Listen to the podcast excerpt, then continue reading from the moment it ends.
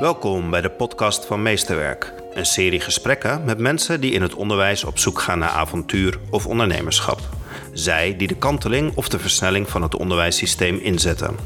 Gesprekken over het meesterwerk dat deze mensen in het onderwijs realiseren. Mijn naam is Janja Hubeek en dit is Meesterwerk. Bij mij aan tafel zit Annette Stegeman. Annette, welkom. Dankjewel. Hey, je bent beeldcoach, je bent betrokken bij veel individuele verbeter- uh, en, en coachingstrajecten van individuele leraren, maar ook van schoolorganisaties. En wij zitten met elkaar aan tafel omdat je mij een aantal keren benaderd hebt en jij hebt het dan eigenlijk altijd over de 80, uh, 20 uh, percentages. En dan geef je mij altijd feedback dat ik vooral op die kanteling en innovatie op het onderwijs zit. En dan zeg je ja maar. En wat zeg je dan eigenlijk tegen mij? Nou, laten we even sowieso zeggen dat jij het altijd over de uh, 1090 geloof ik hebt. Jij zegt altijd dat je uh, moet investeren in die 10% om uh, uiteindelijk die andere um, um, 90% ook mee te krijgen. Ik denk dat het geen 10% is. Ik denk dat dat zo'n 80-20 is. Dus zo kwamen we op de 80-20, denk ik. Maar help me even, wat is die 80 en wat is die 20? Of nou, toveren met de, getallen? Maar... Ja, um, uh, die 20% gaat eigenlijk over de, de leerkrachten die heel, heel uh, dolgraag uh, wil innoveren aan onderwijs, meer creativiteit bij kinderen wil teweeg brengen, andere uh, manieren van uh, lesgeven dan uh, wat we eigenlijk tot nu toe gewend waren. En ik denk dat die 80% dat, die dat ook heel graag wil, maar dat dat vaak door um, het, het, systeem van het onderwijs wat er nu is, niet altijd naar boven komt. Um, en ik denk dat die ook helemaal nu met het lerarentekort, dat die 80% een hele belangrijke doelgroep is om ook echt te dienen. Ja, dus eigenlijk zeg je er is 80% in het onderwijs die gewoon ontzettend betrokken bezig is. Ja. Die doen belangrijke dingen en die willen wel bewegen, maar. En dan kom je aan de hoek. Ja. Um, Wat doe je dan? Nou, um, ik, ik, ik, ik, ik vergelijk het vaak met een, een boek. Het is een toevallig kinderboek. De, de, de slak en de walvis. Mm -hmm. Dus er komt op, kort op neer dat er een, een slak, uh, die, wil, uh, die is het een beetje zat. Het, het leven wat hij leidt. En die wil wat meer op avontuur, maar hij weet niet hoe, want het is natuurlijk heel langzaam. En die gaat um, op zoek hoe hij dat dan doet. En dan komt er opeens een walvis langs en dan mag hij op de staart mee. En dan gaat hij allemaal avonturen beleven en hele toffe dingen gebeuren er. Hij heeft zelf ook, hij redt de walvis ook nog. En um, dan komt hij uiteindelijk terug uh, naar al die avonturen en naar al zijn andere vriendjes slakken. En dan vertelt hij daarover. En dan uh, heel langzaamaan komen er uh, wat slakken bij op die, uh, op die staart. Maar dat duurt wel even voordat alle slakken erbij komen. En um, ik denk dat dat in het onderwijs, hè, wat je zegt van die, die 10 of 20 of nou hoeveel je het mag noemen, procent dat die um, anderen kunnen inspireren, dat is helemaal waar. Maar als beeldcoach, want dan gaan we meteen even over wat ik dan doe als beeldcoach, is dat ik heel erg um, uh, leerkrachten in laat zien wat uh, hun rol is in de klas. En die is vaak veel groter dan dat ze beseffen. En uh, nou ja, dat, dat probeer ik eigenlijk door middel van, van film, probeer ik dat te laten zien. Met welke vragen komen zij dan eigenlijk met jou? Nou, dat, dat ligt er, het is heel verschillend. Um, want uh, wat wel grappig is, is dat ik. Um, ik, ga je, ik ga je heel eerst even vertellen hoe ik zelf misschien op de beeldcoaching ben gekomen. Is dat oké? Okay? Vertel Annette, hoe ben ja? jij beeldcoach geworden? Nou, dat komt doordat ik dat zelf had gehad. Ik, ik, ik was een van die 80%, denk ik, als leerkrachten. Maar ik wilde heel graag bij die 20% horen. Maar ik zat op een onwijs leuke school. Echt. Uh, we waren een hele toffe Daltonschool. We waren echt uh, heel erg bezig om uh, nou, echt onszelf te ontwikkelen daarin. Maar wat wij, wat wij heel erg deden, was um, vooral heel veel um, samenwerking creëren. En ook heel veel. Wat we altijd deden, was dat we vooral um, lekker op één lijn moesten zitten met elkaar. Als team, als, als collega's. Team, als collega's. Met de kinderen, maar ook met, met de, de kinderen. Er okay. moest een rode draad door het onderwijs ja. lopen. Nou, hartstikke goed natuurlijk. Maar wat er bij mij gebeurde, is dat ik eigenlijk een beetje af ging haken. Want we gingen afspraken maken en als ik die afspraken dan niet nakwam, of ik deed anders, of ik dacht, hé, hey, weet je, we gooien de boel even om, dan werd ik daar wel op aangesproken. Van hé, hey, maar we hadden toch afgesproken dat we het zo en zo zouden doen. En langzaamaan werd, werd mijn energie wat minder daarin. En dacht ik, nou, weet je, oké, prima, we hadden het zo afgesproken, ik, ik doe het zoals ik het doe. Ik had toen een jongetje in mijn klas en uh, dat was voor mij echt, echt een kanteling. Marcel, uh, maar Marcel was heel autistisch.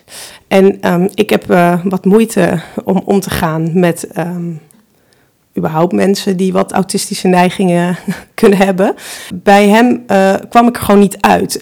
Eh, we, we, we, we zaten zo niet op één lijn samen. En ik, ik, ik, besefte me of later pas dat ik heel vaak zei van ja, maar het is ook het is gewoon niet te doen met die jongen. En toen uiteindelijk heb ik daar coaching op gevraagd. Van ja, ik, ik, weet, ik weet even niet meer welke kant ik op moet. En toen zag ik mezelf. En toen zag ik pas hoe erg ik zelf vast zat en niet hij. En kan je duiden, waar zat je in vast? Zat je vast in het Ik schoolstructuur zat vast in, in, of in die afspraken? Ik zat waar- vast in, in de afspraken, in de structuur, in de, de duidelijkheid die ik samen met de klas heb, had geschept. Van we hebben toch regels en eh, hè, daar moet iedereen zich aan houden, ook Marcel. Hmm. Ehm, en waren dat dan niet jouw regels? dat waren mijn regels. Ja. Maar geloofde je niet meer in die regels? Waar zat die, waar zat die knoop? Ehm? Nou, nou, of dat waren mijn regels. Dat waren, wel had ik wel samen met de kinderen gemaakt. Maar wat, wat er dus eigenlijk gebeurde, was dat ik, dat ik zag dat die regels of die dingen, hoe ik ze deed, voor hem gewoon niet werkte. Het werkte gewoon niet. En ik was maar aan het vasthouden aan een soort iets wat we met elkaar eh, eh, hadden bedacht, of wat ik had bedacht. En het grappige was dat toen ik mezelf zag, dat ik toen echt dacht, maar wat ben je aan het doen? Weet je, hou eens op. Hmm. En toen heb ik met hem samen nieuwe regels bedacht. Gewoon voor hem, hoe wat voor hem werkte. En dit ging, ging helemaal om. We hadden bijvoorbeeld, hij, hij wilde altijd heel graag dingen vertellen, omdat hij eh, heel veel wist. Hij was een heel, jongetje die onwijs veel kennis had. En ehm, eh, dan ging hij voor zijn beurt praten. Want hij snapte gewoon niet. Ja, maar als ik er iets over weet, dan, dan kan ik dat toch gewoon zeggen. En ehm, eh, Het moet er nu uit. het moet eruit, Ja. ja. Dus wat hadden we uiteindelijk hadden we, eh, had ik eh, bedacht van ja, hè, je kan niet altijd door de klas heen praten. Dat gaat gewoon niet, hè? Dat, dat, dat, dat, dat, dat kon niet. Dus toen hadden we uiteindelijk had ik een stip naast mijn bureau geplakt en dan mocht hij elke keer als hij echt het gevoel had van ja, maar dit is echt belangrijk genoeg. Dan mocht hij op die stip komen staan. En dan waren we ook allemaal stil met z'n allen. Want dan wisten we, dan komt er iets belangrijks. En dat was heel leuk, want toen ging hij dus heel erg leren om na te denken over wat hij ging zeggen omdat hij het wel mocht zeggen. Maar hij moest wel echt, op die stip. Hij moest opstaan, hij moest naar die stip lopen. En mocht hij ten alle tijden, ook als we een toets aan doen waren... dan zeiden we, oh, eh, Marcel wil wat zeggen, jongens. Stil. En, ehm, en dat werkte enorm bij hem. Er werd echt een ander kind van. En ehm, eh, nou toen, toen ben ik heel erg, eh, eh, eigenlijk, toen was ik meteen fan, dacht ik, ja, maar dit, dit weet je, ik, het ging niet om hem, het ging om mij. Ik moest, ik moest dingen veranderen. En toen ben ik uiteindelijk schoolopleider geworden. Toen ben ik dat heel veel met studenten gaan doen, gaan filmen. En ehm, ja, toen dacht ik dat, dat, moet ik gewoon veel, dat moeten gewoon veel meer leerkrachten gaan doen. Want het is echt een onwijs toffe, toffe manier van, van bewegen, zeg maar. En het, het is gewoon heel belangrijk om te kijken wat gaat er, hè, wat gaat er wel en hoe komt dat dat het wel Ja. zo goed gaat, Ja. zeg maar. Maar dan even terug, want Marcel heeft jou Ja. wakker gemaakt. En Marcel Ja. heeft je laten zien dat, dat, dat het systeem wat jij in jouw klas maakte, dat, dat, nou ja, dat het niet zo vast zat als, als jij zelf ook eigenlijk misschien wel wou. Mhm. Ehm, en dan even terug naar die 80% in het onderwijs. Want daar begonnen we mee. Ja. van die 80% mensen die in het onderwijs werken, die werken daar met bevlogenheid en met passie. Ehm, Ja, dat vind ik ook altijd zoiets, hè. We, we moeten allemaal maar met bevlogenheid en met passie werken. oh, Ja, dat hoeft dat niet? Nou. je kan lekker ongeïnspireerd naar je klas gaan met Nee, maar, kinderen maar, maar bevlogenheid en passie vind ik niet per se eh, ongeïnspireerd. Ik vind bevlogenheid ook wel een woord van jeetje, weet je. Niet iedereen... he- als ik aan bevlogenheid denk, dan denk ik echt aan iemand die, die van allerlei vernieuwingen doet... en die allerlei... ehm, die heel veel energie daarin steekt, die eh, tot zeven uur 's avonds eh, zit... alles voor de kinderen, passie dit, passie dat. Dat zijn niet... Dat hebben gewoon niet alle leerkrachten. Maar is dat niet ook een heel klein beetje het probleem aan het in het onderwijs? Dat er ook gewoon heel veel leerkrachten zitten die maar een beetje meehobbelen met een systeem waar ze zelf eigenlijk niet in geloven. Eh, ja, dat denk ik zeker dat dat het probleem is. Maar of dat dan per se bevlogenheid en passie is. Wat Eh. is het dan? Kijk, ik, ik denk dat er ook heel veel leerkrachten lesgeven vanuit angst. Angst? Ja, Waarom? eh, om, omdat ze bang zijn dat, dat ze erop af worden gerekend als iets niet goed gaat of als resultaten niet ehm, eh, hè, hoog genoeg uitkomen. Of als, eh, ehm, ja, alsof als je wordt aangesproken door een ander. eh, hè, ik, ik, ik geef veel training over feedback geven. Dat is heel moeilijk, feedback geven op elkaar. Echt, echt feedback geven op elkaar. Eh, zonder dat het persoonlijk wordt. Het is eh, natuurlijk ook wel een beroep waarin, je, eh, waarin het heel erg gaat om het persoonlijke. Ja. Maar En- dan word je toch gedreven om een verbinding met mensen aan te gaan. Dat is toch je, waarom je elke dag in een klas gaat staan. Ja, maar de verbinding tussen collega's en, en, en dan echt verbinding door elkaar te laten bewegen, die is moeilijk. En waar zit dan dat stukje angst? Dat die collega dan iets vindt dat je het niet goed doet? Ja. Of dat jouw resultaten volgens de CITO niet goed zijn? Ja.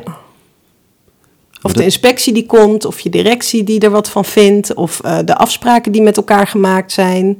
Ehm, je, je, je moet wel echt een, een, een directie boven je hebben zitten die jou echt heel veel vrijheid gunt om dingen te durven uitproberen. Ik had toevallig laatst een gesprek met een directeur en die ehm, een beetje in de clinch lag met eh personeelslid die de hele tijd liep te zaniken over het eh, zandbak zand, wat maar niet kwam.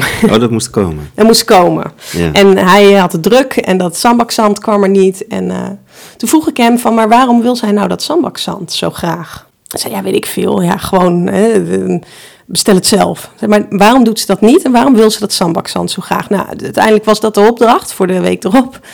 Uitzoeken waarom zij dat zandbakzand zo graag wilde. En uiteindelijk bleek dat die leerkracht wel degelijk, nou, de- deze had wel degelijk een hele grote passie voor motoriek en hoe belangrijk een zandbak voor kleuters was en wat daar allemaal gebeurde in een zandbak. En uiteindelijk heeft zij daar een heel fantastisch gave eh, nou ja, lezing eh, over gegeven in, in een eh, vergadering. Is zij nu zelf verantwoordelijk voor het bestellen van het zandbakzand. Maar dat zijn van die hele idiote kleine dingen waarvan zij, zij werd echt niet echt gehoord door de directie achteraf. Terwijl het voor haar wel heel belangrijk was en nu beweegt ze. En, en ik denk dat dat wel iets is wat heel belangrijk is voor leerkrachten. Ook als je het over dat persoonlijke hebt. Van word ik wel goed gehoord? Dat, dat willen kinderen ook, maar dat willen leerkrachten ook. Je, je kenmerkt ook een beetje de kleinschaligheid waar, waar directies en leraren op een school mee bezig zijn. Waar is het zandbakzand en dan Maar vind je dat, ja, je vindt het kleinschalig? Nou ja, als je het zo, zo omschrijft. Weet je ik, wat kinderen allemaal in de zandbak doen? Ehm, nou, ik heb ooit wel eens eh zandbakzand naar binnen gehaald in een klas. Omdat het een hittegolf was. En toen zijn we een strand gaan bouwen in de klas. Nog nooit zoveel paniek in de ogen van heel veel mensen gezien. Want dat zand hoorde niet in de klas, maar in de zandbak. Terwijl ik dacht gewoon, kan ook anders. Ja, nee, dat kan ook. Dat is ook zo. Maar als je, kijk, weet je, eh, nu zeg je eigenlijk dat zandbak eh, niet super belangrijk is. Terwijl, Ik zeg dat dat zand heel belangrijk is, maar dat de context misschien nog wel veel belangrijker is. ja, dat is ook zo. Maar als je ehm, kijkt bijvoorbeeld eh, ehm, naar de, de skills die kinderen nodig hebben om in een zandbak met elkaar een winkeltje te spelen. Of, oh, wacht, ik, je begrijpt me niet. Wat ik bedoel te zeggen is dat ik... Ik vind het terecht dat die leerkracht zeg maar, die ruimte krijgt om, Ja. om zandbak te gaan. Maar de- dat, dat er dan een vergadering is waarin zij vertelt wat ze doet... en dat dan ook de uitkomst is... nou, nou ben jij verantwoordelijk voor het zandbakzand. Dat voelt heel kleinschalig. Dus we, we, de, de, wat ik veel zie in het onderwijs... is dat mensen kleine taakjes, kleine verantwoordelijkheden krijgen... Die, die, die overzichtelijk zijn... Ja. om zogenaamd de werkdruk behapbaar te maken. Want ik kan nu niet meer in de Sinterklaascommissie... want ik hoor al bij de zandbakcommissie, weet je wel. Daar ben ik dus heel bang voor. Terwijl ik dus denk van alsjeblieft... doe die deuren open en gebruik haar... Maar ja, ik vind het veel groter iets. Ik vind het namelijk een. een eh, kijk, daar ben ik het helemaal mee eens. Maar ik denk dat je. mm, eh, dat je daardoor eh, uiteindelijk met haar in gesprek gaat van hoe verantwoordelijk ben je zelf voor dingen om ze op te pakken, om ze te doen. Hè? Ehm, eh, zij heeft nu de kans gekregen om zich te laten horen. Ehm, en dat is iets, want je, je zei net van je veel individuele coachtrajecten. Wat ik ook veel, veel doe, is met teams. Eh, want voor haar was het, nee, voor haar was zandbak belangrijk, maar voor een ander is weer een ander ding heel belangrijk. En heeft hij daar eh, een, een, een talent op of iets waar die, waar die heel veel energie van krijgt. En, en wat, ik, eh, wat ik merk in teams, eh, is dat mensen dat helemaal niet van elkaar weten. Hoe kantel je zo'n team? Je, je komt Nou- in een team en het, het is een beetje ouderwets traditioneel ingericht. We hebben een zandbakcommissie, we hebben een Sinterklaascommissie. Maar die voelen wel van binnenuit, ik, we willen het anders. Hoe, Ja. eh, hoe, hoe, Nou- hoe help je ze? Nou, wat ik, altijd, wat, wat ik sowieso altijd doe, is eh, altijd eh, met elkaar in gesprek gaan over persoonlijke dingen. Want iemands per- persoon eh, eh, zegt heel veel over hoe je ook als leerkracht bent. Hè? Wat ik va- vaak vraag bijvoorbeeld is om alle mensen een, een voorwerp mee te laten nemen wat iets, iets zegt over waarom je ooit het onderwijs bent ingegaan. En daar krijg je hele mooie gesprekken van. En daardoor krijgen mensen ook op een andere manier kijken ze, kijken ze naar elkaar. Maar wat ik met beeldcoaching veel doe, is dat ik eh, eh, leerkrachten zelf eh, beelden. Dat kun- kunnen ook filmfragmenten zijn of iets wat je geknutseld hebt. Of wat je, weet ik veel, een eh, mooi schilderij wat je mee wil nemen. Maar ook, ook vaak fragmenten van, eh, vanuit de klas. Waar jij denkt, nou hier ben ik nou echt trots op. dit vind ik echt, eh, ik vind dat ik dit heel fantastisch kan. En dat mag alles zijn. Dat, Mm. hè, dat, dat, of dat is iets wat ik met mijn klas voor elkaar heb gekregen. Ik denk dat ieder mens gewoon eh, de, de basisbehoefte heeft van gehoord willen worden. En eh, dat je op die manier eh, sowieso gehoord wordt. Want je mag zeg maar iets laten zien van jezelf waar je trots op bent. Als we het hebben, ja, dus, dus dat, dat werkt. Dat, dat, Ja. dat zie ik heel duidelijk, dat er altijd beweging komt op die manier. En dat mensen zeggen van, "Hé, maar dat wist ik helemaal niet van je. Wat gaaf en eh, leuk, mag ik keer bij je komen kijken? Eh, hey, of hoe doe je dat? Of hè, er ko- komen gewoon gesprekken op gang die je in een normale vergadering echt niet hebt als je dan kijkt bijvoorbeeld naar eh, wat, wat leerkrachten vaak zeggen van ja, hè, eh, passie en bevlogenheid en weet ik veel wat. Dat is heel belangrijk, maar wat is dat dan passie en wat is dat dan bevlogenheid? Er kan voor iemand, iemand iets heel kleins zijn, dus bijvoorbeeld dat zandbakzand. Ja. Of, en, en ik denk, als je dat gaat raken, dat moet je als eerste in de basis raken voordat je überhaupt verder kan bewegen. Ja, maar in hoeverre hou je dan toch niet een, een, een systeem in stand? Want je zegt, ik, ik, ik trek mensen terug naar waartoe ze ooit in het onderwijs starten. Ik Ja. neem een voorbeeld mee, dat is heel direct tastbaar. Ja, Met je beeldcoaching laat je, ben je een spiegel. Je laat zien Ja. wat, ze, wat ze doen en dat leg je bij elkaar. ja. Maar het blijft georganiseerd op die manier in zo'n school. Dus waar zit dan echt die transitie? Waar zit die verandering die dan teweeg komt? Of misschien een mooi voorbeeld waarvan je kan vertellen van nou, daar gebeurde het. Eh, ja, zeker. Ehm, eh, ik, heb, ik heb ooit eh, een, een, een tijdje als, als directeur op een basisschool gewerkt. En dat was een basisschool die, waar, toen ik binnenkwam, waren deze leerkrachten eigenlijk allemaal vooral bezig met de resultaten. Want die waren lang niet goed geweest. Ze hadden een, niet zo'n goede beoordeling van de inspectie ooit gehad. Dus ik kreeg ehm, eigenlijk direct toen ik binnen was, kreeg ik eigenlijk heel snel op, eh, op mijn bureau alle resultaten van de CITO-uitslagen van de afgelopen keer. En eh, ehm, of ik daar even naar wilde kijken. En ik, ja, ik dacht, ja, hoezo? Weet je, dat kan je zelf ook toch? Kijken hoe, eh, hoe, het, hoe, hoe het eruit ziet. En ehm, het grappige was dat zij een schoolhond hadden. Een schoolhond. Een schoolhond, Hmm. ja. En dit vond ik eigenlijk veel interessanter van wat gebeurt er nou met die hond daar op school? Wat grappig, hoezo hebben die schoolhond en vinden ouders het goed? En eh, hoe zit het eigenlijk met die kinderen? En wat doet die schoolhond? Hè? Wat, wat, eh, eh, dus daar hadden we een gesprek over. Ehm, eh, terwijl het eigenlijk over de resultaten moest gaan, geloof ik. Of dat hadden ze zelf bedacht. En eh, toen ging het over die hond. En toen eh, vertelden ze wat, dus allemaal wat die hond allemaal deed. Hè? Dat die, eh, sommige kinderen mochten hem dan uitlaten. Ehm, er waren kinderen die, eh, die er overdag voor zorgden. Er waren kinderen die af en toe eventjes een, een half uurtje met het hondje mochten knuffelen. Omdat ze dat even nodig hadden. Omdat ze in, in, in, de, in de schoolbank zitten dat wat lastig was. Dus ehm, ik, ik vond het heel grappig om te zien hoe zij erg zij in het systeem zaten, maar dat die hond ze eigenlijk daaruit haalde of zo.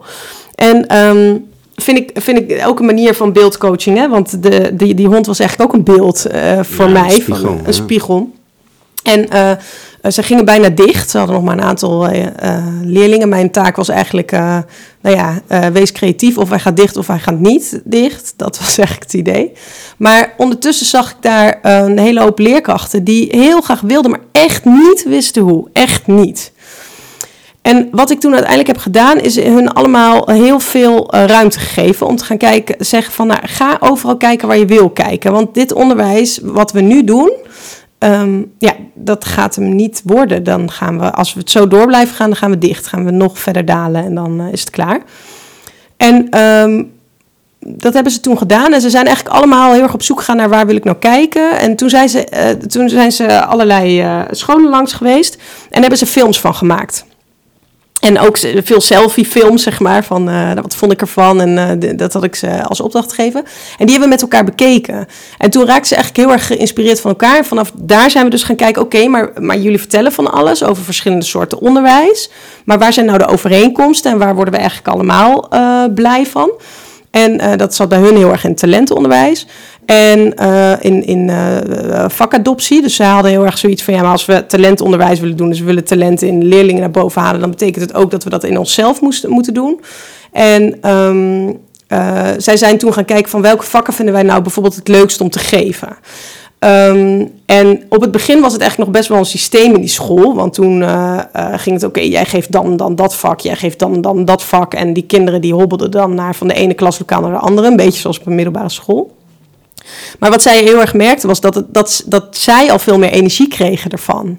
En langzamerhand zijn ze veel meer gaan kijken van ja, maar wat hebben die leerlingen nou nodig hè, in, uh, in, van ons? En zo zijn zij hun hele onderwijs anders gaan inrichten. En kunnen kinderen, ja, ze hebben nu een enorme uh, praktijk uh, lokaal waar kinderen terecht kunnen. En ze hebben, uh, je, je, hoeft niet alle vakken te volgen als je denkt dat je het niet nodig hebt. Dus er wordt heel veel op, op zelfstandigheid wordt er, um, ontwikkeld, zeg maar, op de kinderen. En dat vind ik heel grappig, want ze zijn nu drie jaar verder, denk ik, drie jaar, zoiets, ja. En in die drie jaar is er zo verschrikkelijk veel gebeurd, maar allemaal vanuit positieve energie en drive van de leerkracht. ik, ik, uiteindelijk heb ik niet zoveel gedaan, behalve wat gefaciliteerd. Um, en uh, wat, wat spiegels teruggegeven, zeg maar. En de rest ging vanzelf. Dus ik, ik denk wel dat, dat, dat um, uh, als we, ik denk dat dit zijn waren allemaal leerkrachten die bij de 80% horen en inmiddels echt bij de 20%. Maar dat waren hele kleine stapjes op het begin, echt, ja. echt mini-stapjes. En, en, en, en, en jouw geloof is dat we moeten dat weer aanwakkeren en we kunnen heel veel mensen meenemen naar een onderwijs vormgeven zoals ze dat liever willen.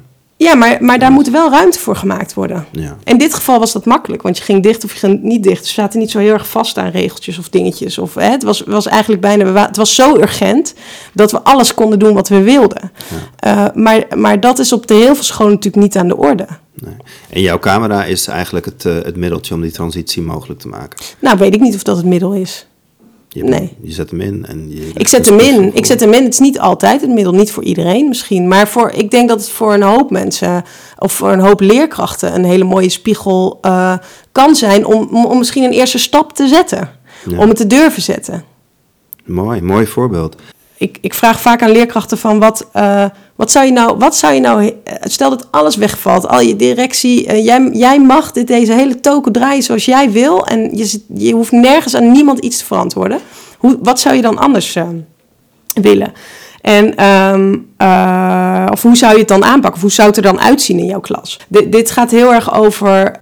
Ja, we ruilen CITO in voor een hond. Precies. Ik denk namelijk dat als we CITO inruilen voor een hond, dat we van alles voor elkaar kunnen krijgen. Mooie titel eigenlijk. We ruilen CITO in voor een ja. hond.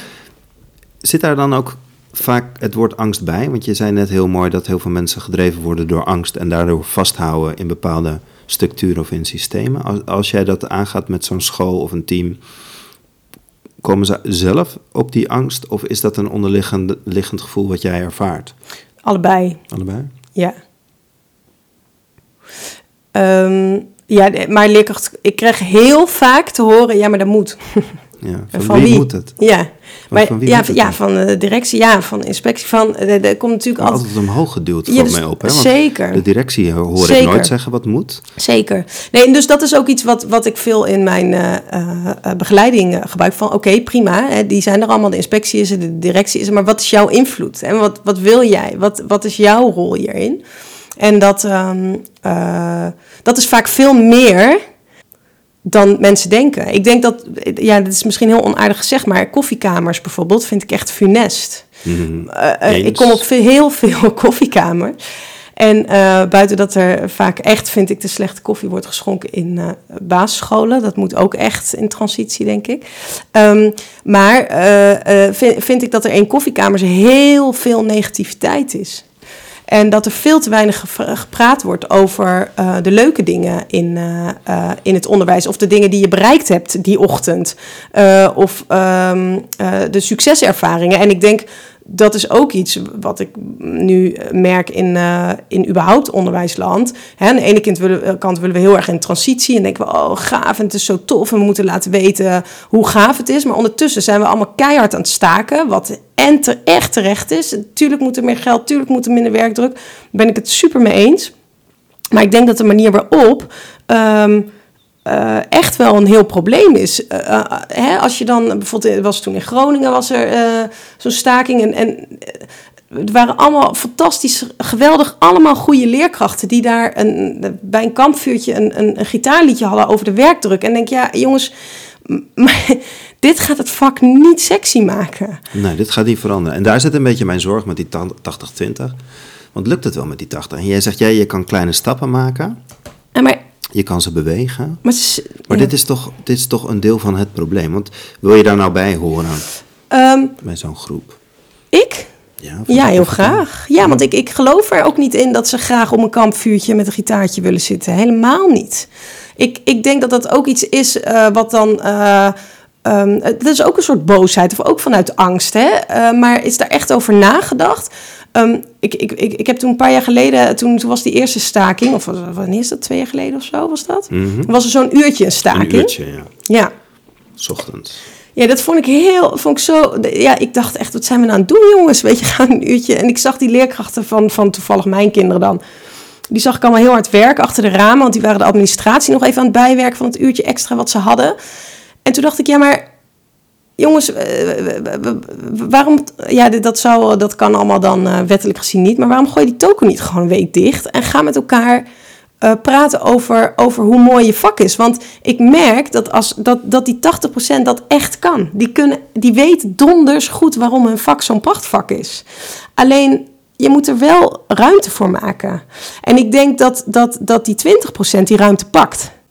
En die 80% dat niet altijd eh, zelf doet, of durft, of, of, of kan, of het gevoel heeft dat dat kan. Ja. Zijn die dan zichzelf kwijtgeraakt? Zijn die niet goed opgeleid? Zijn die niet goed verbonden met, met zichzelf en met hun vak? Waar zit dat in? Ik- zijn ze wel zo ooit het onderwijs ingegaan? Als je dat voorwerp vraagt, Nee, komen ze dan kijk, met... ik denk dat het, dat het heel erg zit in tijd. Tijd? Als jij voor, voor de klas staat en, je, hè, je, en, je, en, en, en zo'n, dag, zo'n dag gaat heel snel. En er gebeurt van alles in zo'n dag. En misschien heb jij wel een klas waar er gewoon een hoop speelt. En dan heb je smiddags nog al die oude gesprekken. Maar er wordt ook nog van je verwacht dat je het groepsplan eh, in orde maakt. Want ja, dat heb je nou eenmaal met elkaar afgesproken. Ehm, en dan opeens is het maandagmiddag en opeens is het dinsdagmiddag en opeens is het vrijdagmiddag. En wat heb je nou die week echt gedaan aan, aan eh, jezelf ontwikkelen? Hè? Of, of met, met je leerkrachten in gesprek of met je collega's in gesprek gaan? Ehm, dat is dan vaak toch niet een prioriteit. En ik zeg altijd, je hebt tijd... Ik onderbreek, ik onderbreek. Ik vind het ook een beetje ik vind het lastig. Hè? Want eh, kinderen komen rond eh, half negen op school. Kwart over drie zijn ze vaak al weg. Eh, gemiddelde werkdag duurt het vijf uur. Er is toch tijd? Je kan toch met elkaar tijd maken? Ik Zeker, zie ook oeverloze. Nee, vergaderingen dat is- over Sinterklaas en, Zeker, en, zeker. en de kerstboom... super mee eens, super mee eens. Daarom zeg ik, het is tijd een ding. Je hebt tijd en prioriteit. Ja. En als je, maar de, de vraag is, waar ligt dan je prioriteit? En als je niet met elkaar, eh, eh, ik denk dat dat is iets is wat je heel erg met elkaar moet gaan afstemmen. Maar waar ligt onze prioriteit eh, in onderwijs? En ik denk dat dat nog te veel ligt op die onzindingen. ja. Jij hebt als antwoord erop, je zet er een camera op en je laat ze zien van... Goh, Wat is de prioriteit? welke prioriteit is het? Want, dat is, dat, want dan komen er opeens komt er beweging op gang. Als je met elkaar gaat praten over echt onderwijs. Over hoe wil ik dat in, invullen. Er zijn, ik zie scholen waarbij de leerkrachten uiteindelijk de deur hebben dichtgedaan. Die denken, ja, die hebben hele gave ideeën. Maar iedereen heeft zoiets, ja, het zal allemaal wel. En die hebben de deur dichtgedaan en die doen dat gewoon in hun klasje. Ja. En dan opeens ga je met elkaar in gesprek en komt er een camera op en zie je wat ze doen. Eh, en dan zeggen anderen, wat gaaf, wat fantastisch. Oh, dit wist ik eigenlijk helemaal niet. Oh, oh wat cool. En ehm, ik denk dat, je, oh, oh, oh, dat dat altijd tijd vrijmaken voor, voor eh, eh, je passie of dingen waar je, waar je energie van krijgt, dat dat altijd beter is dan tijd vrijmaken voor een commissievergadering. Ja, je kan het pas goed voor een ander doen als je het goed voor jezelf Ja. doet. Ja. Hey, ik heb een paar ehm, eh, quotes uit de krant eh, eh, van deze week meegenomen. En ik gewoon, wil ik gewoon een reactie. In de trouw van vandaag, column van Naomi Smits, ik weet niet of je haar kent. Maar zij heeft de titel Het onderwijs verliest de laatste jaren veel te veel goede leerkrachten. De een na de ander gooit de handdoek in de ring. En dat is niet alleen ontzettend jammer, maar als je de reden hoort, ook niet zo gek. En dan quote, ik wil ze gewoon lesgeven. Het lijkt wel of ik de hele dag brandjes aan het blussen ben. Ik wil plezier met de kinderen maken. Ik ben alleen maar bezig met externe instanties over zorgleerlingen. En ik reageer alleen maar op boze ouders. Ja, dat hoor ik heel veel. En toch geloof jij in die 80% dat we die moeten helpen. Ja, omdat het, dit, is, uh, dit is wat ik heel vaak hoor, maar dan gaat het dus niet over wat er wel goed gaat. Dan doen we toch iets met z'n allen ontzettend verkeerd. Ja, dan hebben we toch een heel zeker, systeem. zeker. Dus daarom vind ik het ook heel belangrijk dat je met elkaar um, gaat, gaat zichtbaar gaat maken. Kijk, als je een voetbalteam hebt, hè, uh, dus er wordt natuurlijk al, altijd in het onderwijs dood, doodgegooid met sporten, uh, metaforen. Maar ik, ik vind dat wel echt een belangrijke. Als je, als je um, met je team wil scoren, dan moet je donders goed weten wat alle teamleden um, goed kunnen. Hè? Wie, waar, op welke, waar je moet aanspelen. Um, hè, voorzet geeft, wie Ja, ik ben niet zo goed in voetbal, jij weet misschien. maar maar dat, dat moet je wel heel goed van elkaar weten. En hoe die bal uiteindelijk in het doel gaat, maakt geen reet uit. Dat maakt niet uit. Maar je moet wel goed van elkaar weten waar diegene goed in is. En dat betekent ook voor kinderen. Net zo van, hè, op welke manier ga je die bal nou in, in dat doel scoren voor een kind? Uh, dat, dat kan, hè, er wordt heel veel gepraat over drie niveaus. Hè, dan heb je al iets meer dat je uh, kinderen op, uh, hoe zeg je dat? Dat je ze misschien wat meer inspeelt op um, waar ze goed in zijn. Nee, daar geloof ik ook niet in. Ja. Maar goed, maakt niet uit. Um, kijk, ik denk dat je, dat je als je elke keer op één manier die bal aanspeelt, dan ga je maar een heel klein gedeelte bereiken. Maar dat is ook bij leerkrachten zo. Ja. Maar mensen stoppen dus, want dat, daar gaat dat, die column over. Mensen stoppen omdat ze de hele dag met verkeerde bezig zijn. Dus er zijn veel mensen die willen heel graag met iets anders bezig zijn en stoppen, want het systeem of in het onderwijs zijn we met de verkeerde dingen. Maar er zijn ook heel veel mensen die niet stoppen. Ja. Waarom Maar stoppen dan- die niet? Nee, maar dan komen we op de tweede quote. Die was van gisteren, die stond op de NOS. Scholieren en studenten mijden de PABO om het salaris, het carrièreperspectief en het imago van leraren. Ja, dat snap ik wel. Jongeren geven aan dat ze bijvoorbeeld weinig mogelijkheden zien om door te groeien in het onderwijs. Ze hebben een vrij statisch beeld van een leraar. Mhm. Ja. Dus nieuwe mensen er naartoe trekken. Ook al hebben een paar was dit, eh, dit jaar geloof ik een kleine 10% meer aan was. Maar mensen naartoe trekken is best een ingewikkeld vraagstuk voor een beroep waar je met, blijkbaar met het verkeerde bezig bent. Nou ja, dan, eh, dat vind ik wel erg grappig. Want ik denk dat mensen. ehm, eh, kijk, toen ik, toen ik leerkracht werd, was wel grappig. Ik, heb nam, ik, ben, ik had namelijk echt een, een best wel klote basisschooltijd. Ik, ik was geen goede leerling. Ja, werd eigenlijk altijd eh, ehm, heel erg vastgezet op wat ik niet goed kon. En in groep 8 kreeg ik daar zo eigenlijk de scheid van, weet ik nog wel. Dat ik een keer naar mijn meester keek. En die mo- mocht toen nog roken in de klas. En die zat te roken. En eh, toen deed hij zijn laadje open en toen dacht ik, wat zit er toch in dat laadje? dat dacht ik. En toen dacht ik opeens, als ik later eh, iets mag worden, dan word ik juf. En dan wil ik ook zo'n laadje met geheime dingen erin. en, maar dan ga, ik, dan, dan, ga ik, hè, dan ga ik ervoor zorgen dat het leuk wordt op school. Maar mijn, mijn beeld eh, was, wel, eh, wa- was wel vrij statisch, denk ik. En eh, ik ben ook best wel vrij lang best een statische leerkracht geweest. En dat is langzaam, ben ik daarin gegroeid en ben ik, ben ik daarin veranderd. Maar er kwam ook een punt dat ik dus tegen bepaalde muren opliep. En ik was toen al veel met begeleiding bezig en merkte dat ik daar heel veel energie van kreeg. En dat ik het leuk vond om leerkrachten te begeleiden en daardoor nog meer kinderen te bereiken.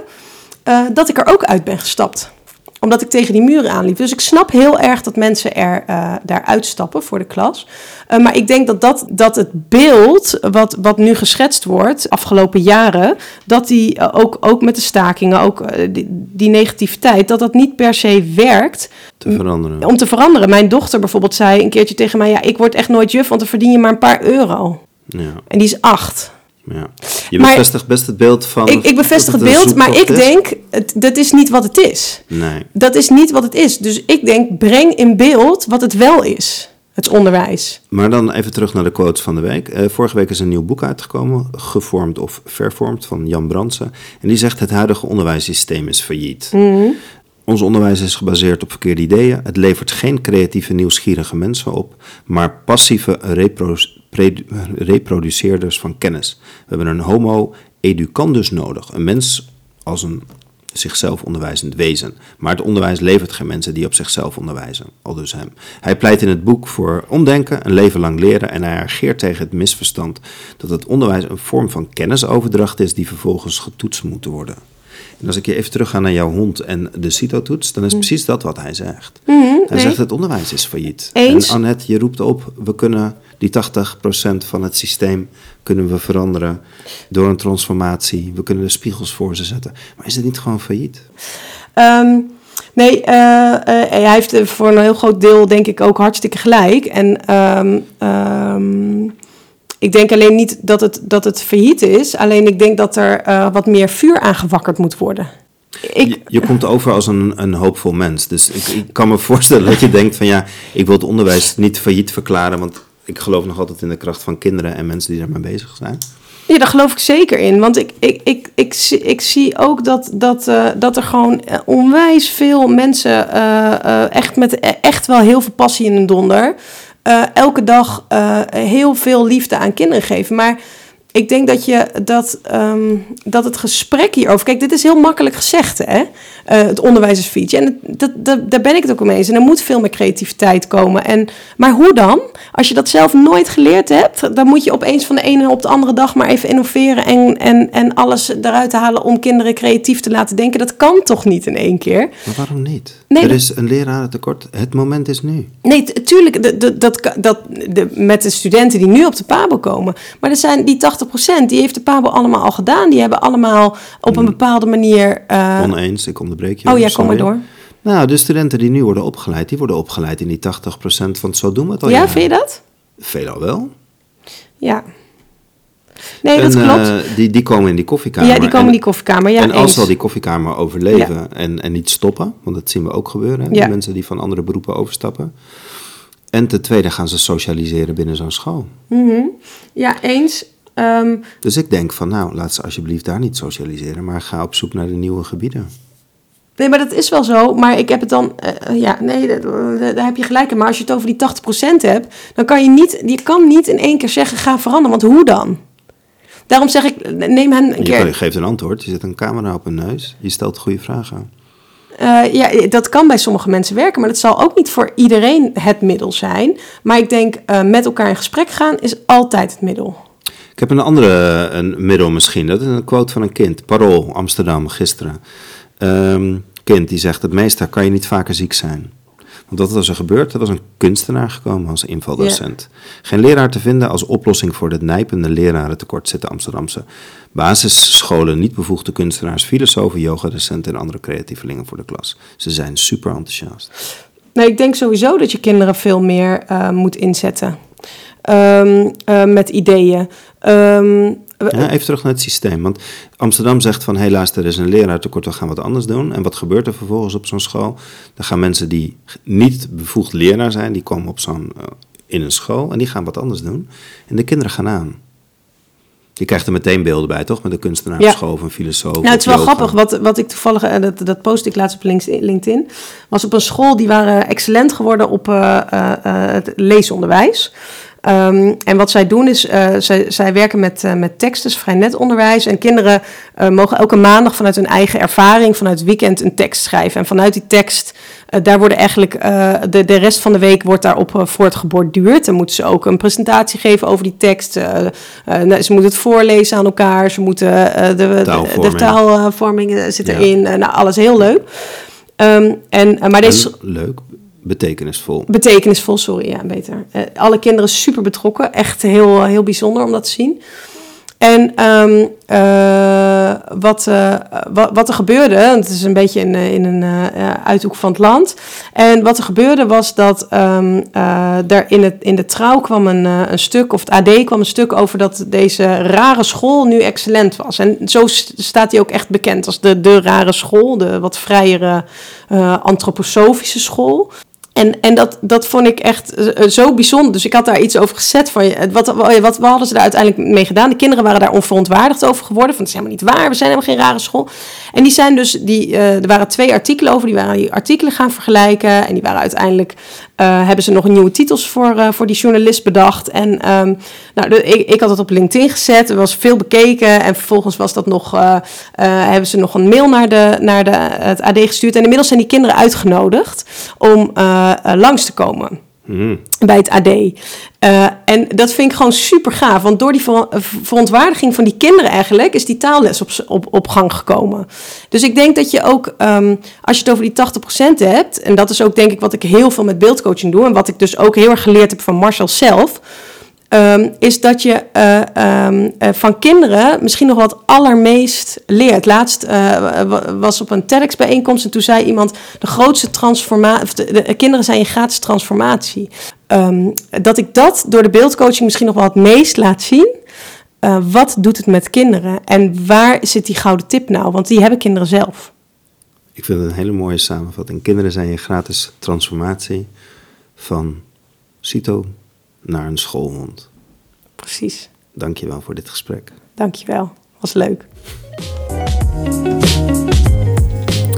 Dit was een gesprek in de serie van Meesterwerk. Voor meer gesprekken kun je je abonneren op iTunes, Spotify of Soundcloud. Wil je meer informatie over dit gesprek? Wil je beeldmateriaal erbij zien? Of wil je meer weten over deze podcast? Bezoek dan janjaaphubeek.nl. Hoe dan ook, ik nodig je graag uit voor het volgende gesprek van Meesterwerk.